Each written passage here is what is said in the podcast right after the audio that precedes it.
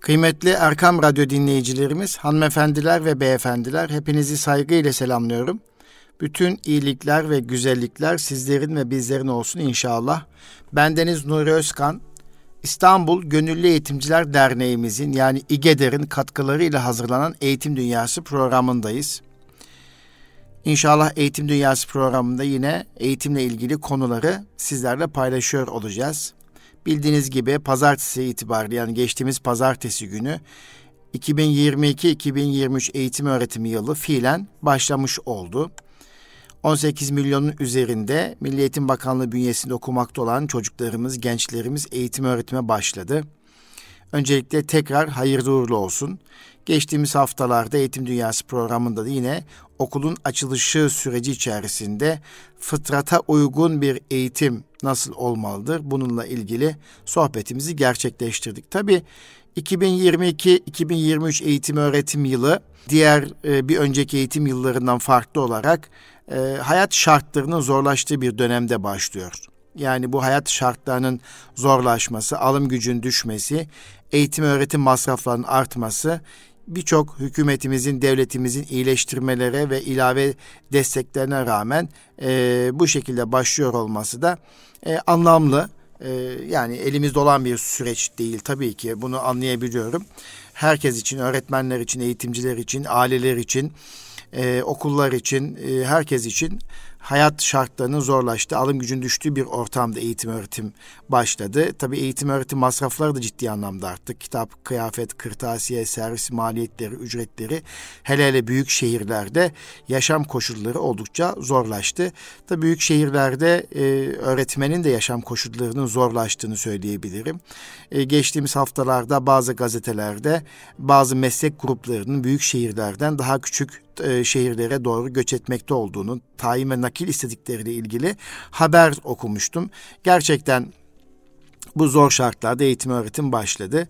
Ee, tabii bu zor şartlarda eğitim öğretim başladığı gibi eğitim öğretimin de kendi içerisinde bir takım e, sorunları var, e, güzellikleri var. E, tabii ki bakanlığımız e, bu yıl e, okullarımızın eğitim öğretime ihtiyaç duyduğu malzemeler, materyallerin temin edilerek başlandığını ve her tür okula uygun bütçeleme çalışması yapıldığını açıklamıştı. E, genel itibariyle sahadan edindiğim bilgiler geçtiğimiz yıllara göre bu anlamda e, devlet okullarının iyi bir hazırlık yaparak başladığıyla alakalı e, bilgiler alıyorum. Tabii ki e, bu e, ilk hafta içerisinde kitap kırtasiyenin teminiyle birlikte eğitim öğretimde artık yavaş yavaş başlayacak.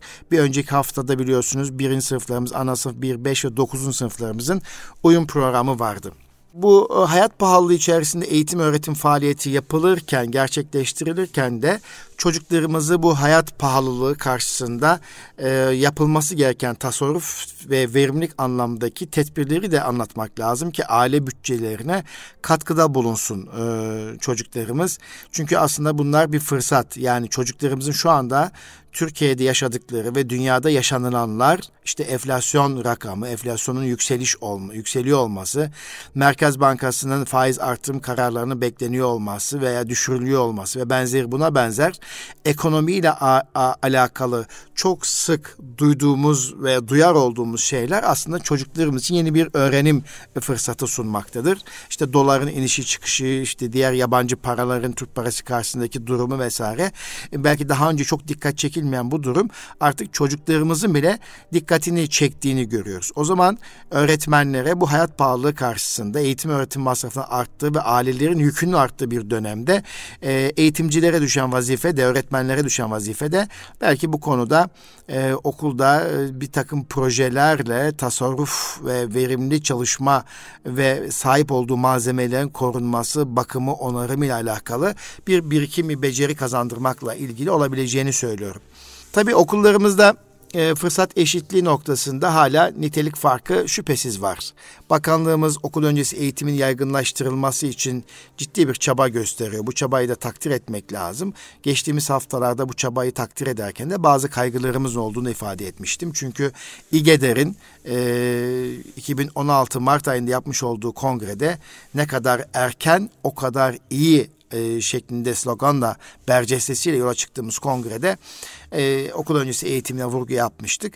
Bununla birlikte okul öncesi eğitimin programının içeriği, öğretmenlerin e, o programa uygun yeterlikte olması ve okul öncesi eğitimde çocuklarımızın e, milli ve şahsi gelişim, e, milli duruşları, milli kimlikleri ve şahsiyet sahibi olabilmeleri için de e, öğretmenlerin daha hassas olmaları gerektiği, müziğinden sanatına kadar bu işin çok ciddi bir şekilde planlanması gerektiğini söylemiştik. Bu anlamda bakanlığımız e, tabii okul öncesi eğitimi yaygınlaştırmaya çalışıyor. E, bunu yaparken de e, hızlı bir adım atılıyor. Köy yaşam merkezleri, okul öncesi eğitim e, ve mesleki gelişimle ilgili Sayın Bakan'ın bir e, öne çıkışı var. E, takdir etmekle birlikte acaba sahadaki tecrübeleri dikkate alınıyor mu? Eğitim paydaşlarıyla yeterince istişare ediliyor mu? E, bu anlamda e, hala bir kaygım olduğunu ifade etmek istiyorum.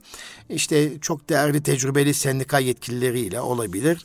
E, sahadaki tecrübe sahibi özel okul e, kurucu sahipleri ve devletimizin değerli e, okul öncesi eğitim e, tecrübe sahibi olan e, kişilerle e, enine boyuna bu meselelerin yatırılıp çok ciddi bir şekilde tabii Diyanet İşleri Başkanlığı'nın da 4-6 yaş grubuna dönük bir çalışması var. Bütün bu süreçte akamet uğramadan bu sürecin e, köklü e, bir çözüme ulaştırılması gerektiğini düşünüyorum kıymetli Erkam Radyo dinleyicilerimiz.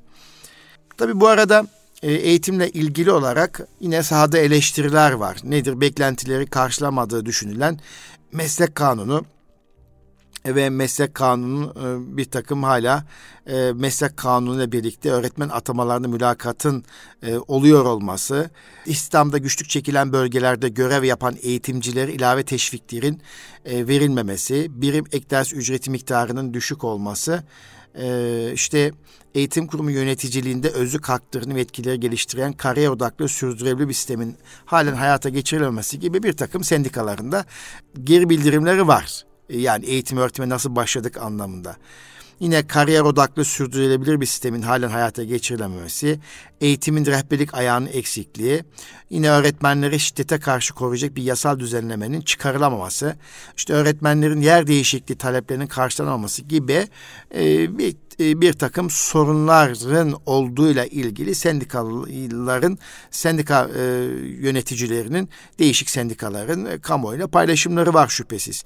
Ben e, sendikaların bu e, kamuoyuyla paylaştıkları bu maddeleri doğrulamakla birlikte işin biraz daha bardağın dolu tarafıyla bakmaları noktasında aslında önerim var. E, ben e, sendika yetkililerinden hangi tür sendika olursa olsun e, işte şu kadar yöneticinin e, daha iyi bir performans gösterebilmesi için şu kadar saat te, eğitim öğretim e, işte uyum programına katıldı yönetici işte kendisini gelişim programına aldık al, al, alındı veya işte şu kadar öğretmenin e, mesleki birikimini tecrübesini veya e, aktif öğretim yöntem ve tekniklerini zenginleştirme bakımından veya eğitimde farklılaştırma yapabiliyor olması için şu kadar e, eğitim aldırdık. Şunu yaptık, bunu yaptık. Böyle şeyleri de duymak istiyorum. Yani hep sahada e, sorunlarla sendikaların adını veya bakanlık yetkililerini e, adını duymak yerine daha çok öğretmenlerimizin gelişimine ve kurumsal adiyetine ve mesleğe olan saygısını artıracak adımların nasıl atıldığıyla ilgili e, değerlendirmeler duymak istiyorum. Yani sadece özlük haklarına dönük e, bir iyileştirme. Tabii ki öğretmenlerimiz, e, eğitimcilerimiz bunu fazlasıyla hak ediyorlar. Bu noktada hiç diyeceğim bir şey yok. Ama bunu çok dengeli bir şekilde götürmek gerektiğini düşünüyorum. Şimdi kıymetli Erkam Radyo dinleyicilerimiz, eğitim öğretim açılırken e, tabii eğitim öğretim bizim irfan ordumuzu güçlü tutmak gerekir. Çünkü öğretmen eğitimin asli unsurudur. Muallim eğitimin asli unsurudur. Ee, yönetici de bu muallim ordusunu, irfan ordusunu yönetecek e, eğitim liderleri, yöneticiler kadrosu da oldukça önemlidir. Çünkü sürü sürünün hızını öndeki at belirler diye bir atasözü var. Lütfen beni bağışlayın. Dolayısıyla yöneticilerin niteliği, kalitesi oldukça önemli. Bununla birlikte öğretmenlerimizin de e, bu işi sadece bir parasal amaçla yapmamaları gerektiğini, bir memur zihniyeti ötesinden çok e, gerçekten e, Nurettin Topçu'nun dediği gibi şu cümle kaderin sırrına vakıf olanlar için sınıf kapısı fetih kapısından daha şereflidir mantığı çerçevesinde yaklaşım göstermeleri gerektiğini düşünüyorum. Ee, bizim medeniyetimiz eğitimle e, yükseldi. Bizim medeniyetimiz e, yine e, eğitimle yükselecek ve bizim var olduğumuz bu coğrafya ve çevremizdeki insanlar başta olmak üzere dünya barış ve huzur içerisinde yükselebilmesi için kendi medeniyetimize ve kendi medeniyetimizin e, dinamiklerine sahip çıkmak gerekiyor. Bu anlamda e, önümde bir e, Doktor Kemal Tekne'nin e, bir gazete yazmış olduğu bir e, yazı var.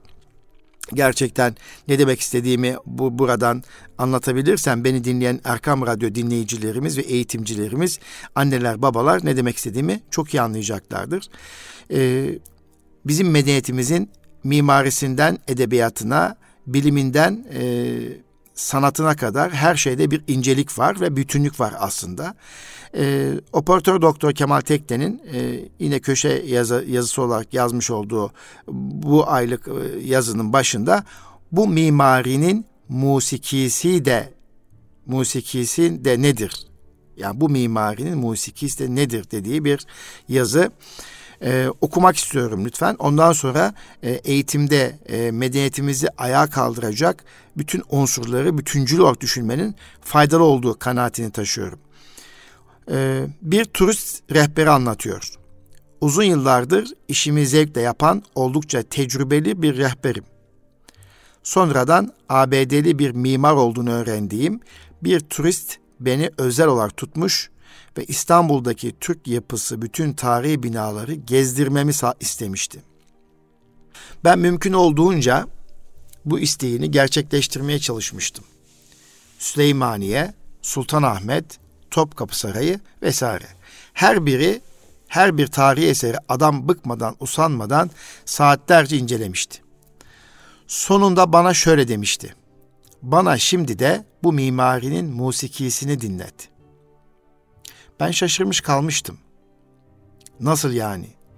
diye şaşkınlığımı belirtince bu mimarinin bir musikisi olmalı demişti. Bunun üzerine Türkiye'de kalacağı iki gün boyunca farklı Türk müziği ortamlarına götürmüş ama hiçbirini beğendirememiştim.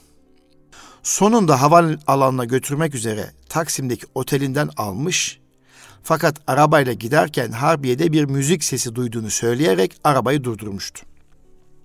Orada ne olduğunu sormuş, ben de bazı günler Harbiye Askeri Müzesi Müzesi'nde mehter çalındığını, onun sesini duymuş olabileceğini söylemiştim. Arabanın ücretini ödeyerek müzeye girmiştik. Müzede mehteranı dinlemeye başlayınca uçak biletini iptal ettirmişti. Aradığımı buldum demişti. İşte o gördüğümüz mimari eserlerin müziği, müziği, musikisi bu. Ben ise böylece önceden hiç duymadığım bir olayla karşılaşmış ve kendi kendime hayıflanmıştım. Bu ayrıntıyı nasıl kaçırdım diye. Bu olayı dinleyince benim kafamda da bazı şeyler hakkıyla yerine oturmuş oldu. Medeniyet dedikleri işte buydu.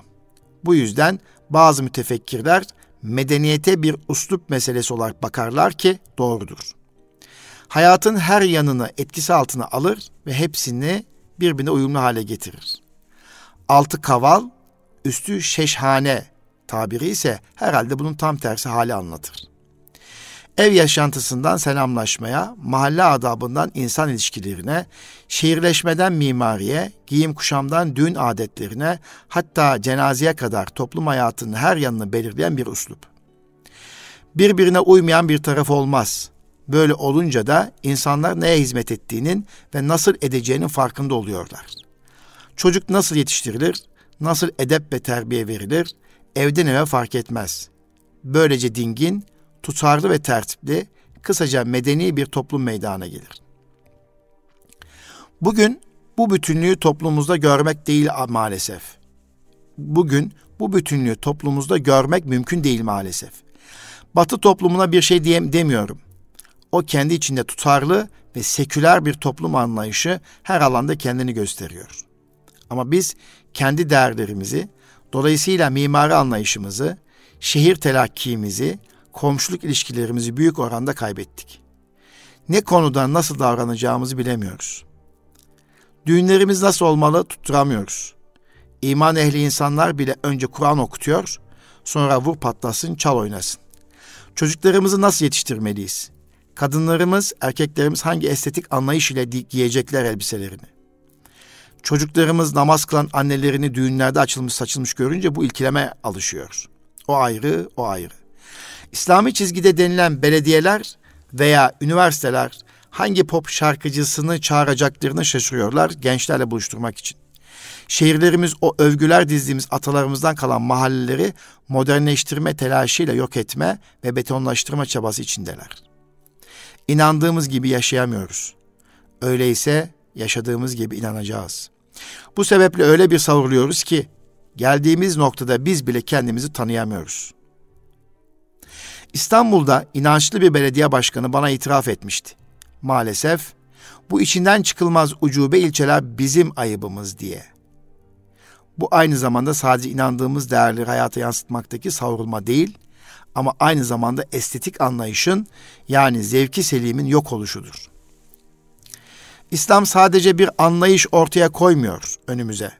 Aynı zamanda insanların ruhuna hitap eden, onları nezakete, inceliğe ulaştıracak bir estetik bakış da emrediyor bize.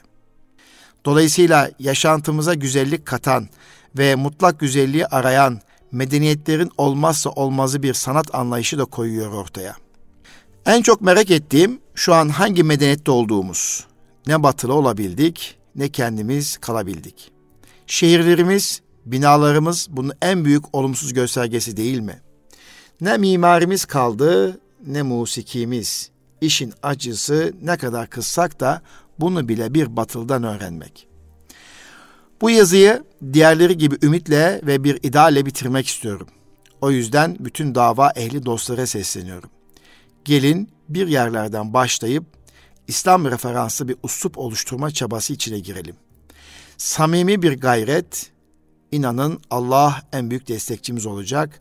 Gayret bizden, tevfik Allah'tan diyor operatör doktor Kemal Tekten. Evet, Kemal Tekten beyefendi e, yine bir gazete yazmış olduğu yazıda e, kendi medeniyetimizi sanatıyla, musikisiyle, mimarisiyle, bilimiyle yeterince tanımadığımızı e, ve tanış olmadığımızı medeniyetimizin de aslında bir bütünlük içerisinde var olduğunu ancak günümüzde bu varoluşun bir savrulmaya doğru gittiğini her geçen gün dağıldığımızı e, giyimimizden kuşamımızdan sanatımızdan estetiğimize kadar bir bir kaybettiğimizin derdini paylaşmış bizimle. Kendisine teşekkür ediyoruz. Allah razı olsun. İşte e, okullar da aslında bu medeniyeti tanıtacak e, tarihimizde var olmuş bu güçlü medeniyetimizi tanıtacak.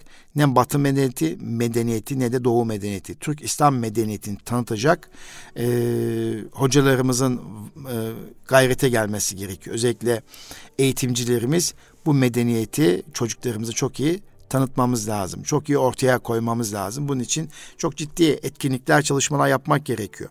İşte mesela e, eğitim öğretime girdiğimiz böyle bir e, sancılı bir dönemde, başladığımız bir dönemde e, eğitim sendikalarının böyle farklı bakış açılarıyla e, öğretmenleri yönlendirmelerini ve yıla mahsus bir tema belirlemelerini, o temaya dönük e, çalışmalar yapmalarını arzu ederim. Öğretmenlerin her yıl bir temayla e, başlamasını arzu ederim. O temaya dönük etkinlikler yapılması noktasında e, sendikalar e, önce olabilir aslında. E, bakanlığın bazı e, girişimlerine bu konuda destek olabilirler. E, ben olaya bu, noktada e, bakmak istiyorum. E, yoksa e, sendikaların her biri eğitimde e, ki sorunları tartışıyorlar, kamuoyuyla paylaşıyorlar. Bunu kabul edebiliyorum, edebiliyorum ama eksik buluyorum. Yani bunu ifade etmek istiyorum. İşte bugün biraz önce Doktor Kemal Tekten Bey'in ifade ettiği yazısına yola çıkarak her medeniyet kendi insan tipini vücuda getiriyor kıymetli Erkam Radyo dinleyicilerimiz. O insan tipi de mensup olduğu medeniyetin sıfat ve karakterleriyle ahenk arz eder. İşte şu anda içerisinde yaşadığımız dünyada, bulunduğumuz coğrafyada biz hangi medeniyetin çocuklarını yetiştiriyoruz acaba? Çocuklarımız hangi konumda? Ailemiz hangi durumda? İşte yarın İstanbul'da Saraçhane'de ciddi bir yürüyüş var. Bir takım e, ideolojik akımlara karşı e, bir yürüyüş var, bir duruş var. Orada bulunmak ve o mekanda e, sadece bulunmak bile yeterli. Slogan atmaya gerek yok. Bulunmak, duruş göstermek bile önemli. E, çünkü sahip olduğumuz medeniyetimizi ve medeniyetimize ait bir takım izleri ve ona ait sütunları bir bir kaybetmeye başladığımız zaman tarihte silinen ve silik bir devlet haline gelmeye başlarız. Gerçekten İslam medeniyeti insanlık tarihinde bir kere ulaşılabilmiş bir zirvedir. O medeniyetin yaşandığı dönemlerde dünyanın her tarafında barış, huzur, selamet ve sakinlik vardı. Çünkü İslam medeniyeti beşeri fıtratın ilahi ilim, irfan ve hikmetle teciz edilmiş olması bu medeniyetin yukarıya taşınmış olmasına neden olmuştur. Bizim günümüzde bireysel ibadet vazifelerimizi yaparken içtimai kulluk vazifesi diye de, e, ifade ettiğimiz toplum hizmeti çalışmalarımızı da e, en güçlü bir şekilde yapıyor olmamız gerekir. Ne kadar e, biz toplum hizmeti çalışmalarıyla e, çocuklarımızın ve gençlerimizin önünde e, örnek bir insan olmaya başlarsak işte o zaman inşallah kaderimizde farklı olacak. Çünkü eğitim ve eğitimin e, esas unsur olan öğretmenler ve öğretmenlerimizi sevk ve idare eden yöneticiler bu işin e, en önemli müsebbibidir diye bakıyorum hadiseye. Bu anlamda 2022-2023 eğitim öğretim yılı tabii ki başladı. Biz geçtiğimiz haftalarda yine Ağustos ayı içerisindeki zafer ayı zafer etkinliklerinden yola çıkarak da eğitimdeki başarının bizi zafere ulaştıracağını ifade ettik. Gayret bizden, e, samimi gayret ve ciddi bir şekilde yapılmış planlama çocuklarımızı geleceğe taşıma anlamındaki yapacağımız her bir etkinlik ders verici anlamda, hakikate ulaştıracak anlamdaki etkinlikler şüphesiz e, inşallah neslimizin kurtarılması neden olacak. Tabii ki öncesi yıllara göre çok zor bir dönemi yaşıyoruz. Önceki yıllara göre çocuklarımızın dikkatleri çok farklı, çok dağılmış vaziyette. E, ciddi bir zorlukları yaşıyor çocuklarımız. Sosyal medyanın varlığı ve elindeki cep telefonları bunların her biri e, çocuklarımızı olumsuz yönde etkiliyor. Bunları anlayabiliyoruz. Bunları kontrol etmek gerek. Önceden e, sokan e, sokak mahalle çocuklarımızı terbiye ediyor idi. Şimdi bizim terbiye etmemize gerek kalmaksızın elindeki telefonlar e, ve cep telefonları ve sosyal medya çocuklarımızı eğitiyor. Bu bu şekilde eğitilmiş çocuklar da anne babalarına ve abilerin ablalarına karşı çıkan, duran ve söz söz dinlemeyen, e, daha doğrusu söz dinlemek tabiri şu, aşamada doğru bulmuyorum. E, büyüklerin tecrübesi ve deneyiminden faydalanmak ve ders çıkartmak istemeyen e, daha çok kendi bildiğini, kendi özgürlük sınırları içerisinde kendi kararlarını almak isterken büyük hatalar yapan, e, yaptığını düşündüğümüz çocuklar ve gençler ortaya çıkıyor.